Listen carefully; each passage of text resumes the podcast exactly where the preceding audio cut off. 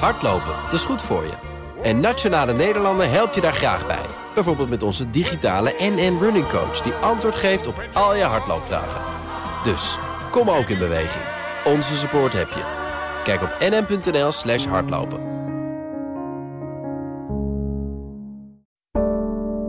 Een goedemorgen van het FD.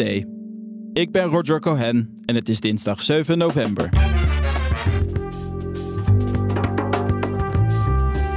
PostNL moest beleggers weer eens teleurstellen. Toch weer teruggekomen op hun eerdere voorspellingen en dat is, ehm, dat is een tegenvaller. De Franse president Macron moet balanceren als het gaat om Gaza. Om te voorkomen dat er nog eens een keer zo'n aanslag in Frankrijk zou kunnen plaatsvinden. Claimadvocaten vinden dat de nieuwe claimwet te weinig oplevert. Is er eigenlijk nog geen enkele zaak uh, tot, een, uh, tot een grote miljoenenclaim-uitkering uh, gekomen? Dit is de dagkoers van het FD. Pakketbezorger PostNL kwam maandag met teleurstellende resultaten. Het draaide in het derde kwartaal een verlies. En dat kwam onder andere door gestegen kosten. Het is niet de eerste keer dat het bedrijf beleggers teleurstelt, weet redacteur Jan Verbeek. PostNL heeft een slechte reputatie op dat punt. De, de post- en pakketvervoer heeft vorig jaar drie keer een winstwaarschuwing uit moeten geven. We dachten met z'n allen dat ze dit jaar goed gestart waren. Dat beeld gaven ze ons ook. Twee kwartalen die goed waren. Maar in het derde kwartaal zijn ze toch weer teruggekomen op hun eerdere voorspellingen. En dat is, um, dat is een tegenvaller. Ja, beleggers zijn daar meestal niet blij mee. Nee, de, de koers op maandagochtend schoot gelijk 10% omlaag. En dat is, um, dat is gewoon een, een, verkeerd signaal wat je afgeeft aan, uh, aan de beleggers. Hoe kan dat? Want PostNL is marktleider als het gaat om pakketbezorger en de enige postbezorger nog in Nederland. Dus wat gaat er mis?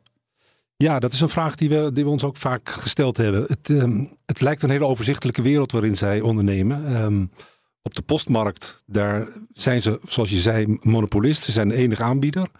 Dat volume slinkt elk jaar met een procent of acht of tien. Dat zou goed te voorspellen moeten zijn. Wat je nu leest in een persverklaring is dat ze toch wat overvallen zijn door de ontwikkeling op de arbeidsmarkt. De loonkosten zijn toegenomen. De belangrijkste markt is echter de pakkettenmarkt. En daar gaan ze de fout in, in de zin van dat ze eerder voorspeld hadden dat ze daar toch wel een, een behoorlijke groei, zo tussen de 0 en de 10 procent zouden halen. En uiteindelijk zijn ze dit kwartaal maar uitgekomen op anderhalf procent. En de voorspellingen zijn ook niet echt goed. Dus er lijkt er sprake van een soort kantelpunt. En heeft het nog consequenties voor uh, CEO Herna Verhagen? Ze zit er al lang, sinds 2012. Ja, Herna Verhagen die is in 2012 aangetreden als bestuursvoorzitter van PostNL. Tot dusver heeft het geen gevolg voor haar, uh, voor haar positie. De, de Raad van Commissarissen heeft nog niet het signaal afgegeven dat ze het met haar gehad hebben. Je zou kunnen zeggen, beleggers hebben het wel al een beetje met haar gehad, omdat de koers van het aandeel laag staat. En dat al een langere periode. Maar van de zijde van de, de toezichthouder, de, Raad van Commissarissen, is er nog geen signaal gekomen. Ik meen, vorig jaar heeft ze ook nog haar termijn kunnen uh, verlengen met uh, andermaal met vier jaar. Dus vooralsnog wordt er niet aan haar stoel poten gezaagd. Uh. Sinterklaas, kerst komen, komt eraan. Eigenlijk de belangrijkste maanden, het belangrijkste kwartaal voor een uh, pakketbezorger als PostNL. Kunnen ze daar nog wat uh, gaan goedmaken komend kwartaal? We hebben nu drie kwartalen achter de rug die van belang zijn. Maar het vierde kwartaal is, is op afstand het, het, belangrijkste kwartaal wat, uh, voor de post- en pakketbezorging. De resultaten die ze dan kunnen maken, daarmee kunnen ze het eigenlijk het hele jaar goed maken. Of dat ook gaat gebeuren, is wel de vraag. Want de, prognoses die ze toch afgegeven hebben voor de komende maanden. wat betreft de loonkostenontwikkeling en de inflatie. dat is toch van, van grote invloed. Maar in principe, het, in het vierde kwartaal kan PostNL het verloren gegaane terrein toch wel vrijwel goed maken. Dus het is toch wel even afwachten of dat ook gaat gebeuren. En dan de Franse president Macron. Hij probeert een diplomatieke hoofdrol te spelen in het conflict tussen Israël en Hamas. Dat is niet altijd even makkelijk. Frankrijk-correspondent Eva Ramelow legt uit waarom Macron in een spagaat zit. Macron heeft natuurlijk ten eerste steun betuigd aan Israël. Want van alle landen in Europa woont het grootste aantal Joden in Frankrijk. Maar Frankrijk telt ook een enorme moslimgemeenschap. Die twee gemeenschappen die moest Macron in evenwicht houden. Denk daarbij ook even aan de rellen van afgelopen zomer bijvoorbeeld. De Franse samenleving is enorm verdeeld. En er hoeft maar ja, dit te gebeuren of de boel ontploft. Het belangrijkste eigenlijk is het trauma van de terroristische aanslagen van 2015 en 2016 hè, in, in Bataclan en in Nice. Macron heeft sindsdien geprobeerd om extremisme uh, te bestrijden in de Arabische wereld en in Noord-Afrika.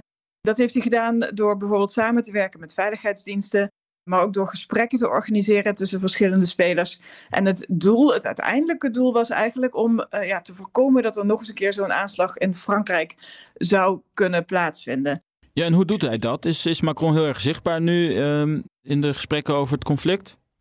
Het zijn dus twee poten eigenlijk, hè? de binnenlandse poot en de buitenlandse poot. Die breuklijnen die ik net schetste, die hebben er eigenlijk voor gezorgd, dat, waarschijnlijk voor gezorgd, want dat heeft hij niet verteld, maar um, dat Macron heel lang gewacht heeft voordat hij naar Israël ging. Um, ja, toen maakte hij er ook meteen een rondreis door de hele regio van, um, waardoor commentatoren echt dachten nou gaat hij met een voorstel komen. En dat deed hij ook. Hij kwam met een voorstel om uh, met de coalitie van landen die al tegen IS vochten, uh, islamitische staten, om met die coalitie nu ook Hamas te gaan bestrijden. Ja, dat was eigenlijk typisch Macron om meteen initiatief te nemen, momentum te creëren, de leiding te nemen. Hij speelt heel graag zo'n rol van diplomatiek leider. Dat voorstel is een beetje een, een stille dood gestorven. En nu gooit hij het over een andere boeg, Macron. Want later in de week is er een conferentie in Parijs. Uh, waarbij regionale leiders, um, de Verenigde Naties en, en andere relevante spelers. die komen bij elkaar en ze gaan praten over hulp aan Gaza. Dat is dus in de zijlijn van een top die, um, die toch al werd georganiseerd in Parijs. Ja, en eigenlijk speelt Macron daarin op de ja, internationale consensus, die er toch wel een beetje lijkt te ontstaan over een, uh, de wens om een pauze in te lasten in de, gevechten, om op die manier hulp bij de Palestijnen in de Gazastrook te krijgen. Dat is een heel ander voorstel dan uh, waar Macron mee begon. En een heel ander initiatief dan waar Macron mee begon. Um, maar toch zie je dat hij, uh, ja, dat hij toch weer even probeert om, om iets te doen. Om dat oliemannetje te zijn. En hoe valt dat in het binnenland nu? In het binnenland is de, de, de spanning eigenlijk heel erg opgelopen de afgelopen weken. Er zijn nu al meer dan duizend antisemitische uh, acties geweest in Frankrijk, uh, antisemitische incidenten. Dus er is een grote angst voor, voor extremisme, maar ook voor antisemitisme. Um, er, zijn, er is ook heel veel steun voor de Palestijnse kant uh, van, van het conflict. Um, maar veel pro-Palestijnse um, uh, demonstraties die zijn verboden. Er was er afgelopen weekend overigens wel eentje. En vorig weekend, toen een grote demonstratie was verboden, vond die alsnog plaats. Er is spanning, maar er is ook heel veel politie op straat. Er is echt angst dat het weer uit de hand loopt. Het is misschien een veilige aanpak in de zin dat de humanitaire hulp aan, aan de Palestijnen, ja, daar, daar kunnen mensen niet echt op tegen zijn. Ja, dat is de minst uh, omstreden route voor hem. Ja, dat, uh, dat denk ik wel. En we hebben recent een aantal nieuwe claims gezien tegen uh, bijvoorbeeld Amazon. Uh, past in een reeks van uh, privacy claims, waar, er, waar er meerdere van zijn tegen TikTok en Facebook. Recent is er natuurlijk ook claim ingediend tegen Gimoor. Dit is Martijn Pols, redacteur Zuidas. Hij somt even wat claimzaken op. Die zijn gebaseerd op een nieuwe wet die massaclaims makkelijker moest maken. Vooral denk ik angst in het begin geweest van bedrijven die ook in aanloop naar de nieuwe wet uh, heel erg uh, tegengestribbeld hebben dat zij uh, veel makkelijker voor de rechter gesleept zouden worden met allerlei miljoenen claims die misschien helemaal niet, niet reëel zouden zijn. Nu blijkt dat die wet helemaal niet zo goed werkt. Dus hebben claimadvocaten zich verenigd om sterker te staan. Hard nodig vinden ze. Is er eigenlijk nog geen enkele zaak tot, een, tot een grote miljoenenclaim uitkering gekomen? Dus het is, het is wat dat betreft, zeggen de advocaten, met name van de kant die, uh, die veel van dit soort uh, aansprakelijkheidsclaims indienen, dat het niet het claimparadijs is geworden, maar het tegengestelde. Het, het, het, werkt eigenlijk nog niet goed. En, en komt dat omdat bedrijven met succes die claims weten te vertragen of tegen te houden? Of zit het in de wetgeving? Nou, allebei misschien een beetje. Wat de advocaten nu constateren is dat de tegenpartij, dus de, de grote bedrijven, vaak bijgestaan door grote teams van grote kantoren van de Zuidas alle mogelijkheden aangrijpen om deze nieuwe wet uh, tot in de laatste komma nou, te bediscussiëren eigenlijk. Dat hoort ook zo, dat zijn civiele zaken, dus de tegenpartijen mogen ook overal iets tegen inbrengen. En dat moet denk ik ook, dat is, zo zit het rechtssysteem in elkaar. Tegelijkertijd is dat ook een tactiek die ook elders wel wordt herkend van het zo lang mogelijk rekken van dit soort procedures. bedrijven hebben de tijd en het geld om consumenten een tijdje te laten wachten. En die consument heeft dat misschien wel een stuk minder. Dus de, de ongelijkheid in die, in die situatie en in die, in die verhouding tussen het bedrijf en, en de gedupeerde consument, ja, die, die wordt ter volle benut. Vandaar dat de advocaten ook ergens wel suggereren van, nou ja, misschien moeten dan aan de kant van de grote bedrijven wat minder mogelijkheden, of de rechter moet wat meer mogelijkheden krijgen om in die verdediging uh, wat meer te schrappen en te voorkomen dat het een eindeloos uitwisselen van hele grote stukken papier wordt. Nu hebben die claimadvocaten zich verenigd. wat hopen ze daarmee te bereiken?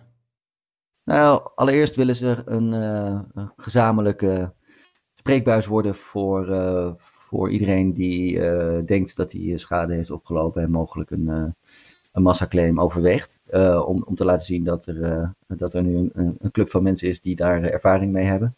Ze willen vooral ook deze discussie, waar we het net ook over hadden, verder brengen. dus ook een podium bieden aan iedereen om, om eens met elkaar te gaan zitten over, over de vraag van, nou, werkt dit nu op dit moment goed en wat zou er beter kunnen? En dan niet alleen met advocaten, maar ook met, met mensen uit de academische wereld. Om uh, op die manier ja, de, de, de massaclaimwet zoals die er nu is wel te redden. Want anders vrezen ze, wordt het een dode letter. En dat zou weer een achteruitgang zijn, terwijl het bedoeld was om, om, om consumenten en burgers een steviger positie te geven.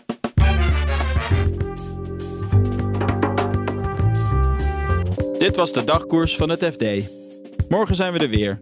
Ondertussen kun je alle kwartaalcijfers en het andere laatste financieel-economische nieuws volgen in onze app of op fd.nl. Nog een fijne dag en graag tot morgen.